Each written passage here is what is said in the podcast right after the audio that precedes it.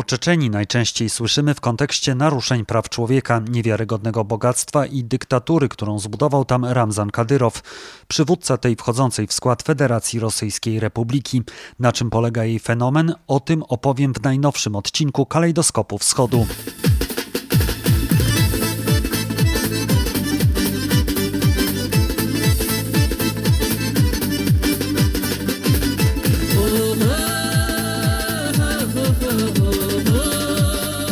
Czeczenia to niewielka republika wielkości trochę ponad 16 tysięcy kilometrów kwadratowych, coś pomiędzy województwem podkarpackim a małopolskim. Obecnie mieszka tam półtora miliona ludności, choć według niektórych te dane są zawyżone. Rosja przejęła kontrolę nad tym terytorium w drugiej połowie XIX wieku. W czasach Związku Radzieckiego była to autonomiczna Republika Czeczeńsko-Inguska. Jak już wiemy z odcinków Kalejdoskopu Wschodu Alkohol i Brigada, przełom lat 80. i 90 to okres powolnego rozpadu Związku Radzieckiego, zakończonego rozpadem imperium. Władza centralna była wyjątkowo słaba. W sierpniu 90 roku Borys Jelcyn, wówczas jeszcze przewodniczący Rady Najwyższej Rosyjskiej Federacyjnej Socjalistycznej Republiki Radzieckiej, zachęcał, aby każdy brał tyle wolności, ile może przełknąć. Wy weźmiecie tu doliu władzy, którą sami możecie proglacić.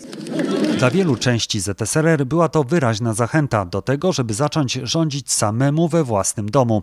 Tak też było z Czeczenią. W 1990 roku powstał tam ogólnonarodowy Kongres Narodu Czeczeńskiego, którego celem było zdobycie niepodległości. Na jego czele stał były radziecki generał Dżohar Dudajew, który po ogłoszeniu niezależności w 1991 roku i wyborach prezydenckich został szefem państwa.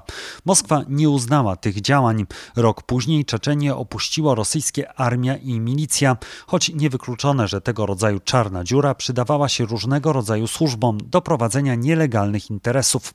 Żadne państwo nie uznało niezależności Czeczenii. Okres od 91 do 94 roku jest przedstawiany przez oficjalną Moskwę jako czas, gdy w byłej republice królowało bezprawie. Dochodziło do licznych zabójstw i porwań. Sytuacja była drastyczna, nawet na tle wzrostu przestępczości, który miał miejsce w całym byłym Związku Radzieckim. W Czeczenii miały miejsce także walki w dosłownym tego słowa znaczeniu między zwolennikami Dudajewa i jego przeciwnikami przeciwnikami. Ci ostatni utworzyli Radę Tymczasową, która miała wsparcie Moskwy, nie tylko deklaratywne, ale też konkretne, wojskowe.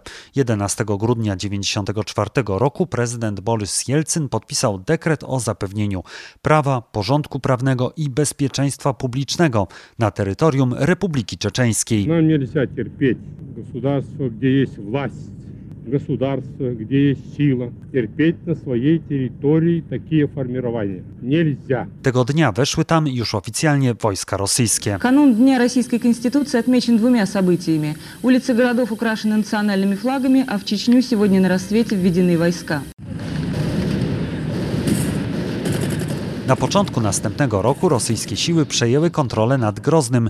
Nie obyło się bez bardzo dużych strat. Wysłano tam bowiem żołnierzy, którzy nie byli przygotowani do walk w warunkach miejskich.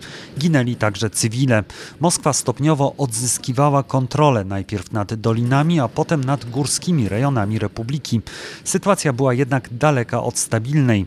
Zwolennicy niepodległości, m.in. grupa Szamila Basajewa, dokonywała rajdów poza Czeczenię, gdzie brała zakładników.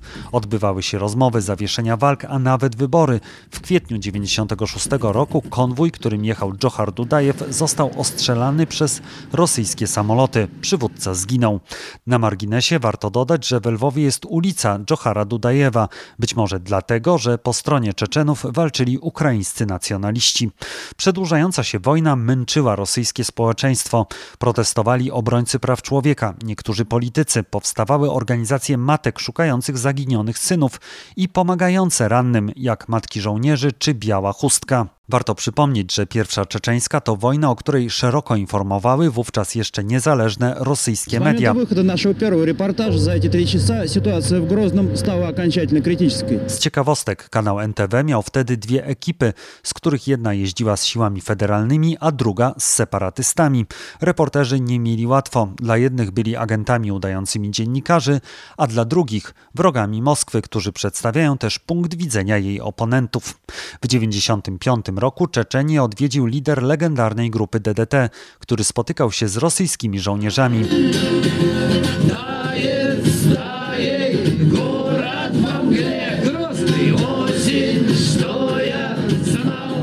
Co zresztą nie przeszkodziło mu później krytycznie lub co najmniej pesymistycznie wypowiadać się na temat tej wojny. Ты сейчас свой взвод положишь ни за что на этом пустыре чеченском, понимаешь, никому нахрен не нужным. Przejawiało się to też w twórczości grupy. город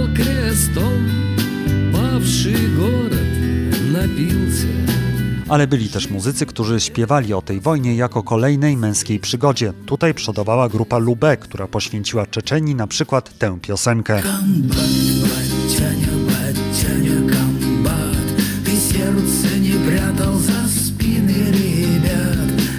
Swoich bardów mieli także czeczeńscy separatyści, na przykład Timura Mucurajewa.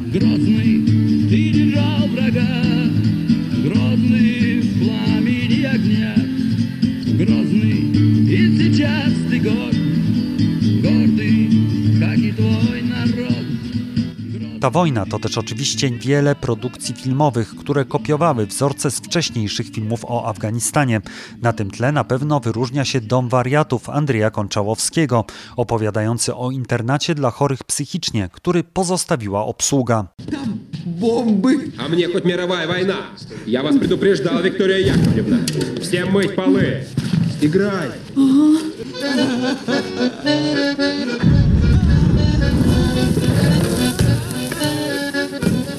Wracając do wojny, w związku z tym, że w Rosji zbliżały się wybory prezydenckie, a wojna się przedłużała, Moskwa poszła na rozmowy z separatystami.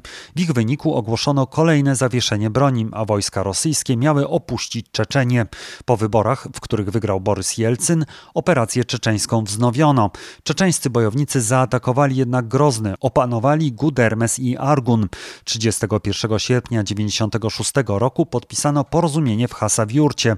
Rosyjskie wojska całkowicie wyszły z Czeczenii, a kwestię przyszłości republiki odłożono do końca grudnia 2001 roku. Dotąd nieznana jest liczba ofiar tej wojny. Liczba zabitych rosyjskich wojskowych waha się od 4 do 14 tysięcy, separatystów od prawie 3 tysięcy do ponad 17 tysięcy, a liczba zabitych cywilów od 30 do aż 80 tysięcy. To także okres, gdy uchodźcy z Czeczenii pojawili się w Polsce i w innych krajach europejskich. Dotąd zresztą pojawiają się oni u naszych granic, uciekając przed reżimem Ramzana Kadyrowa. Czeczenia wyszła z wojny w opłakanym stanie. Na przykład w tym czasie wodociągi i kanalizacja w Groznym zostały całkowicie zrujnowane. Latem 95 roku codziennie do miasta dla 100 tysięcy mieszkańców przywożono dzięki Międzynarodowemu Czerwonemu Krzyżowi cysternami 750 tysięcy litrów wody. Kraj był zniszczony, panowało bezprawie, dochodziło do porwań, kradzieży ropy z ropociągów, kwitł handel narkotykami. Gospodarka, jak i zresztą fizycznie państwo leżało w gruzach. Dobrze, oprócz przestępczości rozwijał się fundamentalizm islamski. Po porwaniu w 1999 roku przedstawiciela rosyjskiego MSW w Czeczeni Giennadija Szpiguna, Moskwa zwiększyła swoją obecność wojskową i milicyjną w republice. Bojownicy pod dowództwem Szamila Basajewa i Hattaba atakowali sąsiedni Dagestan. Siły federalne kontratakowały. W tym samym czasie 4-16 września doszło do serii ataków terrorystycznych na bloki mieszkalne w Moskwie, Wołgodońsku i Bujnaksku. Głos zabrał Władimir Putin, wówczas premier. Трудно назвать этих людей людьми. Их даже зверями назвать нельзя. Если это звери, то бешеные. Moskwa oskarżyła o przygotowanie wybuchów fundamentalistów islamskich z Czeczenii. Regularnie jednak pojawiają się oskarżenia, że odpowiadała za nie Federalna Służba Bezpieczeństwa, która w ten sposób przygotowała grunt dla wejścia do gry nowego silnego przywódcy, czyli właśnie Władimira Putina. Будем преследовать террористов везде. В аэропорту, в аэропорту. Значит, вы уж меня извините, в туалете поймаем и, и, и в сортире их замочим, в конце концов. Все, вопрос закрыт окончательно. Ale to Borys Jelcyn, wówczas jeszcze prezydent, zdecydował o rozpoczęciu ofensywy. Tym razem jednak Moskwa postawiła na wsparcie jednej z grup czeczeńskich, na czele której stał były zwolennik separatystów mufti Czeczenii Ahmad Kadyrow, czyli ojciec obecnego przywódcy Ramzana. Walki doprowadziły do zrównania Groznego z ziemią. Według ONZ w 2003 roku było to najbardziej zniszczone miasto na świecie.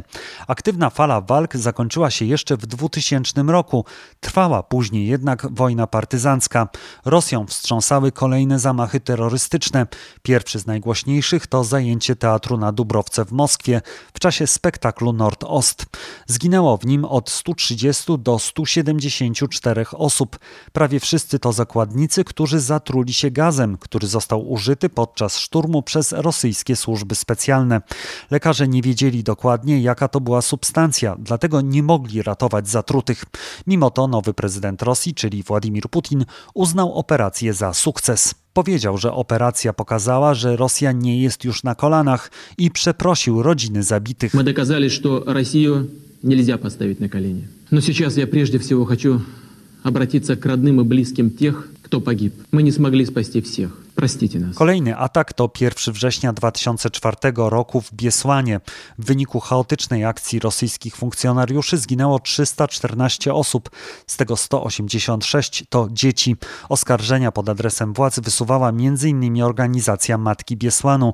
W 2017 roku Europejski Trybunał Praw Człowieka uznał, że rządzący mieli wystarczająco informacji o tym, że może dojść do ataku terrorystycznego, jednak zrobili za mało, aby go uniemożliwić.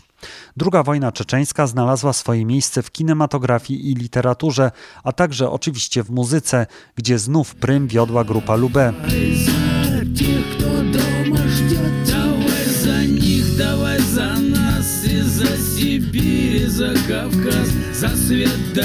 I Juri Szewczuk z DDT.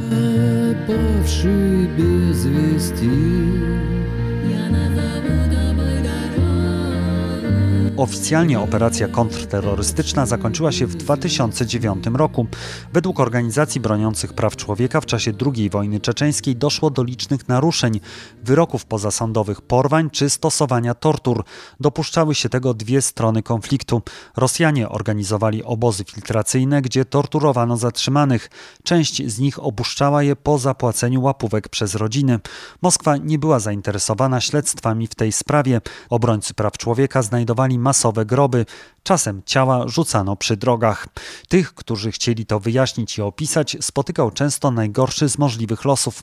Tak było w przypadku Anny Politkowskiej, dziennikarki Nowej Gazety, która została zastrzelona w windzie we własnej kamienicy w październiku 2006 roku. Reporterka napisała kilka książek o wojnie i niezliczone artykuły, w tym właśnie o naruszeniach praw człowieka, m.in. o obozach filtracyjnych dla Czeczenów. Od 2003 roku oskarżała Ramzana Kadyrowa m.in. o porwania i inne przestępstwa. Teraz popatrzmy chwilę na samą postać urodzonego w 76 roku czeczeńskiego przywódcy. Od 2000 roku, gdy jego ojciec Ahmad Kadyrow stał na czele tymczasowej administracji republiki, Ramzan kierował służbą bezpieczeństwa, która składała się z oddanych mu bojowników. Dołączali do niej ci, którzy decydowali się przejść na służbę do sił lojalnych w stosunku do Moskwy. Po śmierci ojca był wicepremierem, później szefem rządu, zajmował się m.in. odbudową zrujnowanego Groznego. W 2007 roku został prezydentem republiki. Moskwa zaczęła przeznaczać ogromne pieniądze na odbudowę całej Czeczenii. Oprócz tego działała jego fundacja imienia ojca Ahmata Kadyrowa. Według niezależnych rosyjskich mediów urzędnicy muszą oddawać na jej działalność 10% pensji, a biznesmeni nawet połowę sumy, na jaką opiewają kontrakty. Pieniądze z niej pochodzące według niezależnych mediów są wykorzystywane m.in. na utrzymanie Ramzana Kadyrowa i jego otoczenia, a czeczeński przywódca lubi żyć bardzo bogato. Lata prywatnym Airbusem wartym 80 milionów dolarów, ma kilka rezydencji oraz liczne limuzyny. Na marginesie lubi też rozdawać samochody. Ramzan Kadyrow pokazuje się jako oddany muzułmanin, który buduje meczety, m.in. świątynię Serce Czeczenii w Groznym imienia jego ojca Ahmata. W innych miastach są inne meczety nazwane na cześć członków jego rodziny. Я попрошу свой народ, когда меня не станет, чтобы они все собрались, построили маленький там, мечеть до моего имени. Это будет для меня большой, большим подарком. Te słowa okazały się samospełniającą przepowiednią, bowiem w Czeczeni powstaje już meczet imienia Ramzana Kadyrowa. Sam przywódca Czeczeni ma co najmniej dwie żony, choć federalne prawo na to nie pozwala. Wielu jego oponentów zwraca uwagę, że Moskwa ma dość ograniczony wpływ na to, co się dzieje w republice. Ramzan Kadyrow w ogóle pozycjonuje się jak głęboko wierzący muzułmanin, dlatego na ulicach czeczeńskich miast i wsi nie spotyka się kobiet bez chusty. Promuje także islamską modę. Jedną z firm posiada jego żona. Jako członek partii władzy, czyli jednej Rosji, zapewnia jej doskonałe wyniki w republice. Przy frekwencji powyżej 99% jej kandydaci zdobywają 99% głosów. Oczywiście Ramzan Kadyrow wspiera Władimira Putina, zapewnia o oddaniu osobie rosyjskiego prezydenta. W 2016 roku zorganizował demonstrację w jedności Nasza Siła. w której miało wziąć udział jakoby milion osób, deklarujących oddanie Kadyrowowi i lojalność w stosunku do Moskwy. Zdecydowanie popierał też aneksję Krymu i interwencję w Zagłębiu Donieckim. Według wielu świadków tzw. kadyrowcy walczyli po stronie separatystów w Donbasie. Za to Ramzan Kadyrow trafił na europejską listę sankcyjną. Opozycjonistów z kolei określa mianem wrogów narodu i wielokrotnie groził im śmiercią. Domy rodzin osób oskarżonych o terroryzm są niszczone Utworzono tajne więzienia dla oponentów. Według części obserwatorów to Ramzan Kadyrow stoi za zabójstwem rosyjskiego opozycjonisty Borysa Niemcowa. W Czeczeni prześladowani są wszyscy, których stylu życia nie akceptuje tamtejszy przywódca, na przykład homoseksualiści. Sam Kadyrow wielokrotnie odrzucał te zarzuty, na przykład w rozmowie z У нас BBC. нет насилия, э, нет, так скажем, педофилии, нет гим- гам- как- U nas nie ma przemocy, nie ma, że tak powiem, pedofilii, tego homoseksualizmu, nawet nie wiem jak to się mówi.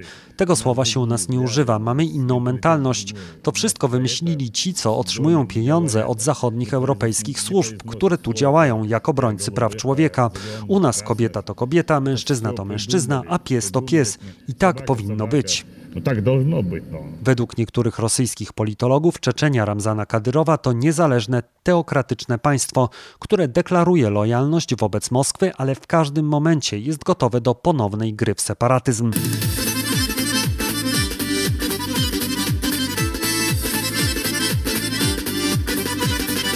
Czeczenia będzie się jeszcze wielokrotnie przewijać w kalejdoskopie wschodu, dlatego jeśli o czymś zapomniałem, proszę mi wybaczyć i śmiało o tym pisać. Jeśli spodobał się Państwu ten odcinek, możecie mnie wesprzeć w serwisach Zrzutka i Patronite.